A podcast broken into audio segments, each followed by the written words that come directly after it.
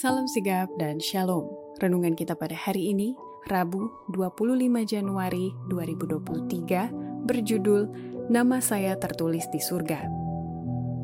Ayat intinya terdapat di dalam Lukas 10 ayat 20. Namun demikian, janganlah bersuka cita karena roh-roh itu takluk kepadamu, tetapi bersukacitalah karena namamu ada terdaftar di sorga.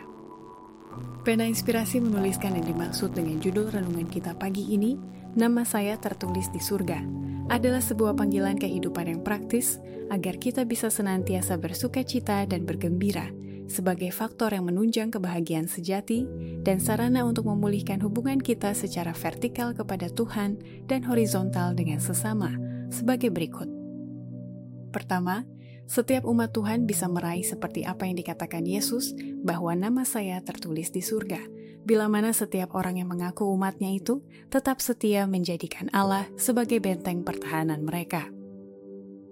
Pada waktu itu juga akan muncul Mikael, pemimpin besar itu, yang akan mendampingi anak-anak bangsamu, dan akan ada suatu waktu kesesakan besar seperti yang belum pernah terjadi sejak ada bangsa-bangsa sampai pada waktu itu tetapi pada waktu itu, bangsamu akan terluput, yakni barang siapa yang didapati namanya tertulis dalam kitab itu. Daniel 12 ayat 1 Bila mana masa kesusahan ini tiba, setiap kasus sudah diputuskan, pintu kasihan tidak lagi terbuka, dan tidak ada lagi belas kasihan bagi orang berdosa. Meterai Allah yang hidup ada pada umatnya. Kedua, setiap umat Tuhan bisa meraih seperti apa yang dikatakan Yesus, bahwa nama saya tertulis di surga, bila mana setiap orang yang mengaku umatnya itu berpegang teguh pada iman dan pengharapan mereka bahwa tidak akan ada kesusahan dan penderitaan dari umatnya yang tak terjangkau oleh simpati Kristus. Namun sedikit waktu lagi, maka ia yang pasti datang itu akan datang tanpa berlambatan. Matanya bagaikan nyala api yang menembus penjara-penjara yang paling ketat dan mencari orang-orang yang bersembunyi, karena nama-nama mereka tertulis dalam kitab kehidupan anak domba itu.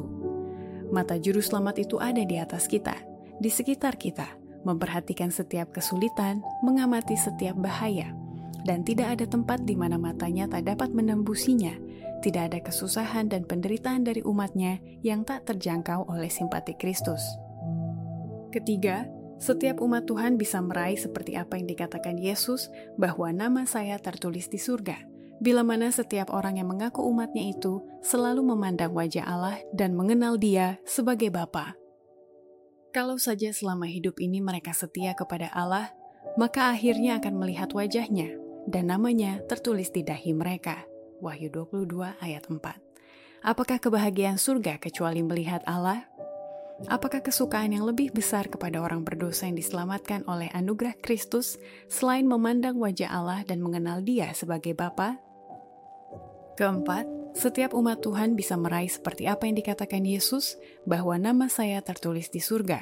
Bila mana setiap orang yang mengaku umatnya itu memiliki meterai Allah yang hidup sehingga layak untuk mendapatkan mahkota kemuliaan. Saya melihat malaikat yang sangat banyak jumlahnya membawa mahkota-mahkota kemuliaan dari kota itu.